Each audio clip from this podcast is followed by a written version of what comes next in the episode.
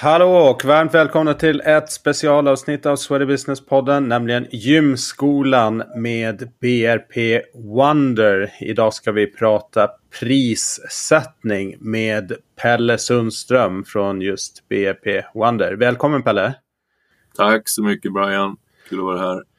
Härligt, alltid kul att prata med dig. Så jag ser fram emot att prata om eh, det här ämnet som ständigt är på tapeten och alla tycker att alla tar för lite betalt. Så en liten så intro till prissättning. Det är ju ett ämne som konstant diskuteras, inte minst i träningsbranschen. Det här är ju inget fenomen som är eh, isolerat till den branschen. Det eh, finns egentligen ingen universell metod för att fastställa priserna. Eh, det handlar om att hitta en perfekt mix mellan olika faktorer som påverkar vilket pris man kan ta för olika typer av produkter. Ehm, så det här tänkte jag gräva vidare med Pelle. Vad är dina liksom, spontana tankar då kring gymbranschen, träningsbranschen och prissättning generellt? Nej, men det börjar ju oftast med att prissättning för mig är ju lite grann vad marknaden Eh, vill betala eller tycker att det är värt att betala. Så att göra en, en marknadsundersökning på så att säga sitt område eller eh, vad, vad alla andra tar så att säga så är det, det är ju benchmarka som man tycker kanske är framgångsrika gym eller ja, olika företag inom gymbranschen. Vad tar de för någonting? Och det, det, det är som att säga grunden. Sen är, har ju vi precis samma problem som många andra branscher att vi, vi tycker att vi tar för lite betalt.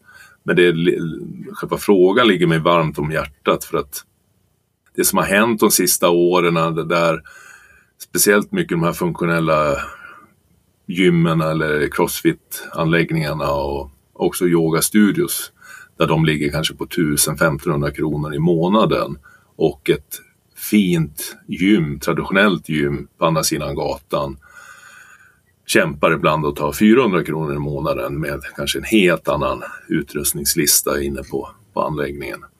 Um, och det är ju stora frågan, liksom, varför kan folk tänka sig betala mer ja, för en lite annorlunda produkt?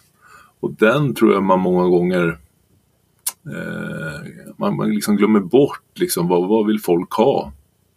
Och ehm, jag vet ju till exempel att vi har hjälpt väldigt många gym med en paketering och att en pers person tycker att det är värt att köpa en månads bootcamp med två pass i veckan med kanske en kroppsmätning och någon, någon form av uppföljning. Eh, och samma gym har problem med att få någon att betala säg 399 kronor i månaden för att träna hur mycket som helst från fem på morgonen till 11 på kvällen. Och, då, och till och med sådana pass ingår i det medlemskapet.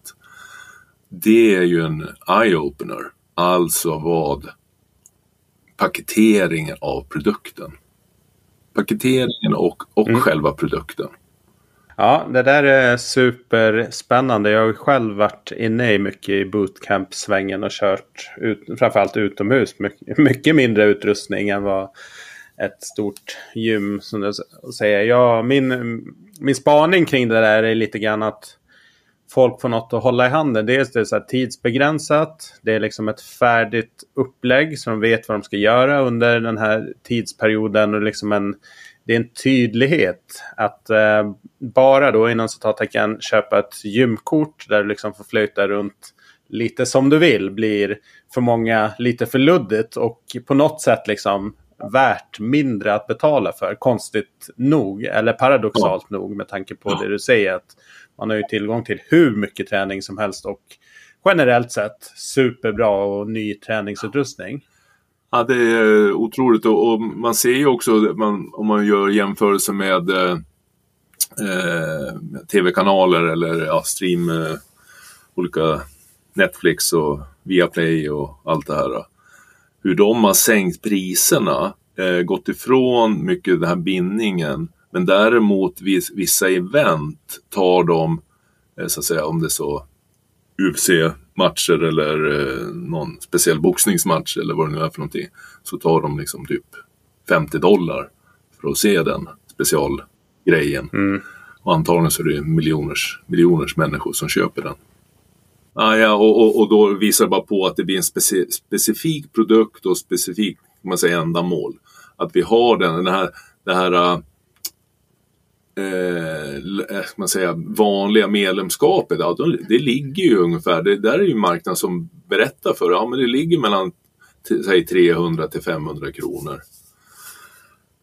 Och då ska väl den grejen, den produkten vara där, men jag tror att det är ju allting annat som man måste paketera och kunna göra sin prissättning mer dynamisk. Mm. Men sen tänker jag fråga till dig. Kan inte vi generellt sett bli mycket bättre på, liksom, du var inne på det här med att paketera, men liksom att okej, okay, medlemskapet är någon slags grundfundament. Liksom, men ovanpå det kan vi ju lägga en jäkla massa olika produkter. Till exempel bootcamp. Så nu ser jag att det kommer mer och mer ute på de traditionella gymmen. Men jag drog igång för 12-13 år sedan. Då undrade jag liksom om jag och min kompis kan dra igång och liksom få till 100 pers som snurrar i tre olika bootcampgrupper. Vad kan då ett gym som har tusentals medlemmar liksom lyckas få till? Men man, man nyttjar inte den möjligheten. Nej, och där kommer det ju liksom dels eh, behöver man ju vara så pass eh, kreativ och, och, skapa de produkterna. Det andra är ju eh, säljprocessen i befintlig kundstock eller medlemsstock vad, hur, hur bearbetar man befintlig kundstock med mail och kanske till och med innesäljare. Som beskriver produkten på ett bra vis. Där man liksom, och där ser jag ju många gånger att det är många gym som inte överhuvudtaget har en form av säljprocess in, in-house så att säga. Och då är det svårt att få dra igång det. det är att bara sätta upp en lapp i receptionen och säga nu kör vi bootcamp en månad, 3000 kronor.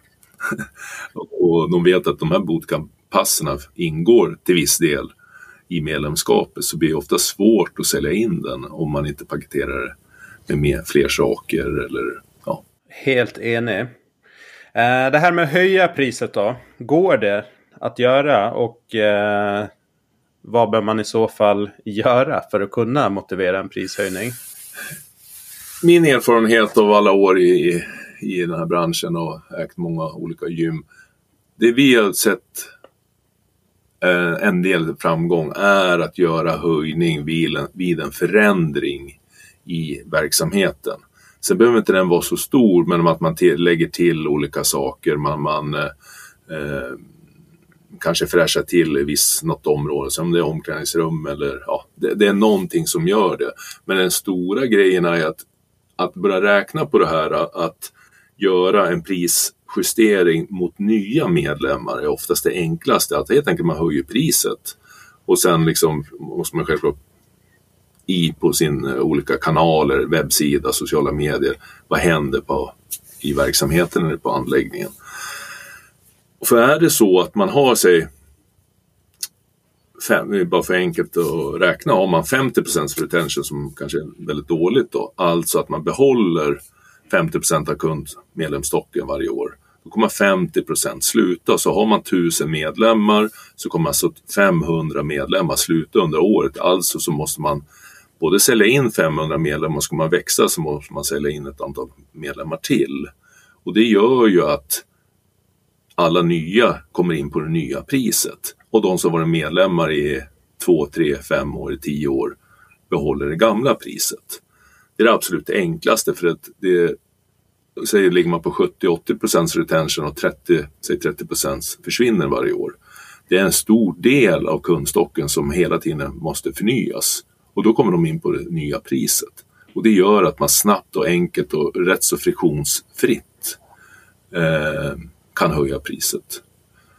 Att göra de här höjningarna där man går ut och säger nu eh, höjer vi för alla. Ja, det, det, kan ibland bli en friktion men då är det viktigt att baka in vilka förändringar man gör. Så att medlemmar känner att ja, men det här är bra. Men det är ju en risk att göra det. Man kanske får mycket uppsägningar eller de här sovande medlemskapen blir en uppsägning och så vidare. Min bästa strategi det är att göra det då och då och man gör det för nytecknade medlemskap. Mm. Ja, jättebra tips och det ser man ju på vad jag ser i alla fall på de stora Europajättarna som är på börsen att de tydligt kommunicerar att man har höjt priserna, även budgetoperatörer, typ Basic Fit och liknande. Och att det primärt är på nya medlemmar. Så ja, har man en viss utbytestakt så kommer det in nya medlemmar. Men det gäller ju också samtidigt att behålla de, de gamla så att man inte att den där hinken inte töms sådär väldans snabbt som det kanske gör ja. i vissa fall. Nej, då det blir mycket, mycket enklare då och eh, ja, man, man tappar oftast ingenting då för, för de befintliga helt enkelt behålla sitt pris. Men det är så liksom att fast man har bra retention, folk flyttar, man brukar ju räkna på ungefär 1,4 år på en befintlig medlem. Säger en viss statistik som jag läst någonstans. Eh, är snittet helt enkelt. Nästan hur än man gör. Eh, man kan höja den kanske till upp mot två år då men då måste man ha ett otroligt retention och eh, retention-system eller någon form av uppföljning så att man verkligen behåller dem under längre tid. Och det har man sett faktiskt både på obundet medlemskap och bundet. Säg att man har 12 månaders bindning så är det ungefär 14 månader man är medlem. Sen finns det självklart de mm. som är medlemmar i fem år och tio år och så vidare. Men det är oftast en klick människor på en anläggning som är, är där fem år eller tio år eller vad det nu är. Yes, Nej, men det stämmer ganska bra överens med lite olika data som jag också har läst och eh, som också tyder på att eh, genomsnittsmedlemslivslängden har sjunkit sen efter pandemin och framförallt på yngre eh, kategorier som är ännu mer flyktigare än eh, tidigare. Ja. Har, hade du också den siffran, 14 månader, i huvudet? Mm, den hade, och den siffran hade sjunkit från lite längre eh, faktiskt. Och så landat någonstans strax över liksom ett år och lite till. Så att det var nästan uppe på två år tidigare, strax ja. under två år i genomsnitt. Så att det, ja, ja, men det för mig så innebär det också så här. Det, det är intressant det du säger att eh, det spelar ingen roll bundet, obundet och så där. Man ligger på ungefär de här siffrorna och det är mycket som påverkar. Det är ju inte bara, vilket ibland kan vara eh, snacket, att gymmen är dåliga på att behålla kunder. Men som du säger, man byter jobb, man byter eh, boende och så vidare. Så vidare. Saker händer också. Men för mig så får det ju som upp att kanske tänka till lite extra kring hur man bättre kan kapitalisera på de medlemmarna man har och under den livstiden de har. Liksom öka snittintäkten per medlem. Ja. Um, istället för att kanske stånga sig blodig på att behålla dem. Uh, det ska man ju såklart jobba med också men, men kanske är ett lättare steg och mer man kan påverka genom att ta fram produkter och olika upplägg som, eh, som kan göra att snittintäkten går upp helt enkelt.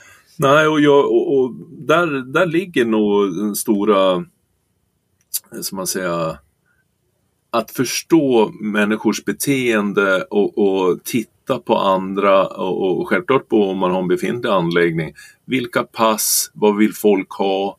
Eh, vad är folk beredda att betala för? Och där, där ser man rätt så tydligt att eh, priset på traditionell styrketräning i traditionellt gym. Där, där ska man konkurrera med det och vi i Sverige har ju, är ju det landet tror jag, i världen som har flest gym, eller flest gymmedlemskap har jag läst i hela världen. Jag tror vi ligger på plats nummer ett där. Ehm, mm. I andel av befolkningen ja, som har medlemskap, ja. ja. Absolut. Och då konkurrensen där med att gå och träna för 99, 199 kronor. Ja, det ligger mellan 99 och 299 kronor på många traditionella eh, vanliga gymträning. Ja, då är, där ligger ju priset då ju. Men det är ju bara att konstatera, ja men det är ungefär priset för det. Hur ska vi kunna komma upp på 600, 700, 800 kronor i månaden? Ja, då måste produkten vara helt annorlunda det är rätt så roligt när många, eller många, men ett antal människor ringt mig och Pelle tänkte jag skulle höja priset från säg 329 till 399. Ja, men vad, vad är skillnaden? Skillnaden, för då ligger det kanske ett antal andra konkurrenter på samma område eller i närheten. Och, och ja, tyvärr så är det ju så att marknaden har bestämt kan man säga. Dels för att era konkurrenter har det priset och folk kan gå, då gå och träna på jättefräscha anläggningar för sig 199 kronor. Ja, då är det, det är det du måste tävla mot. Alltså så måste din produkt vara helt annorlunda om du ska kunna ta mer betalt.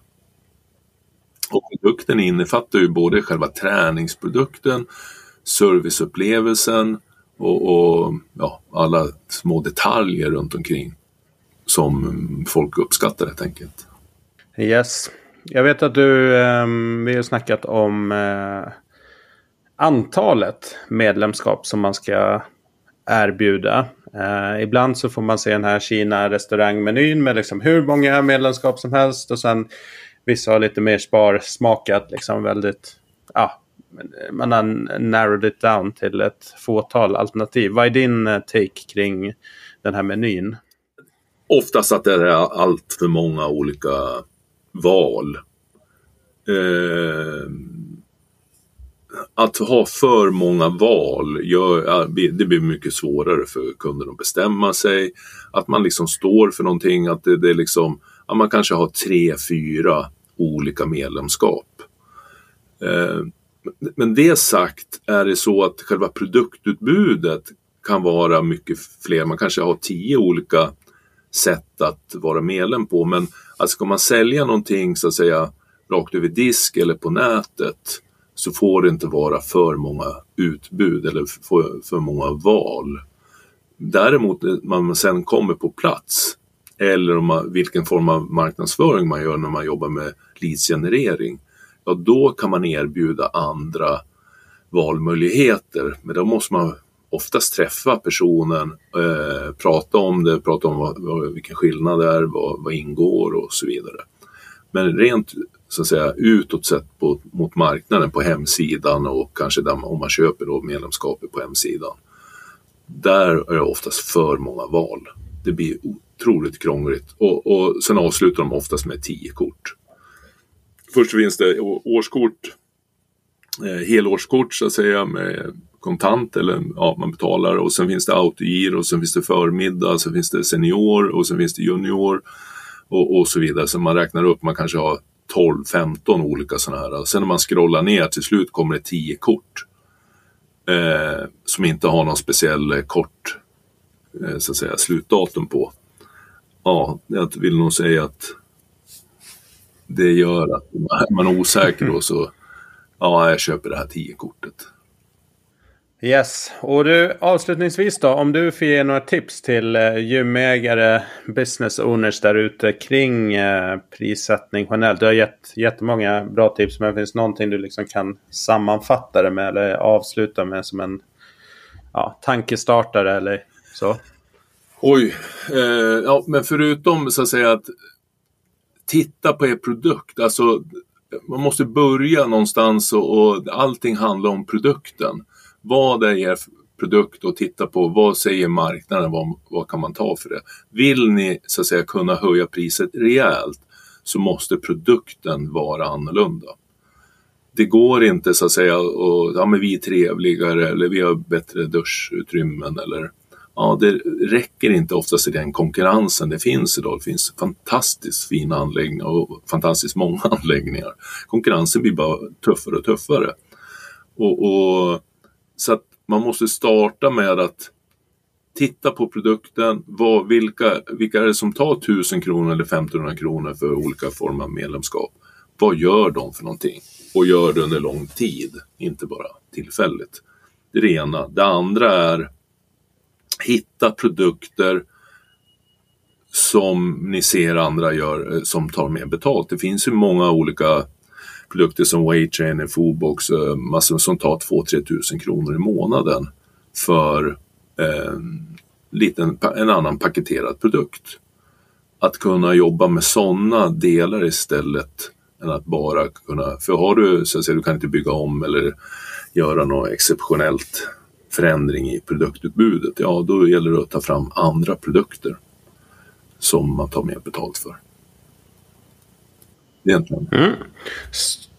Superbra och eh, med de orden så tackar vi för den här lilla gymskolan eh, på tema prissättning.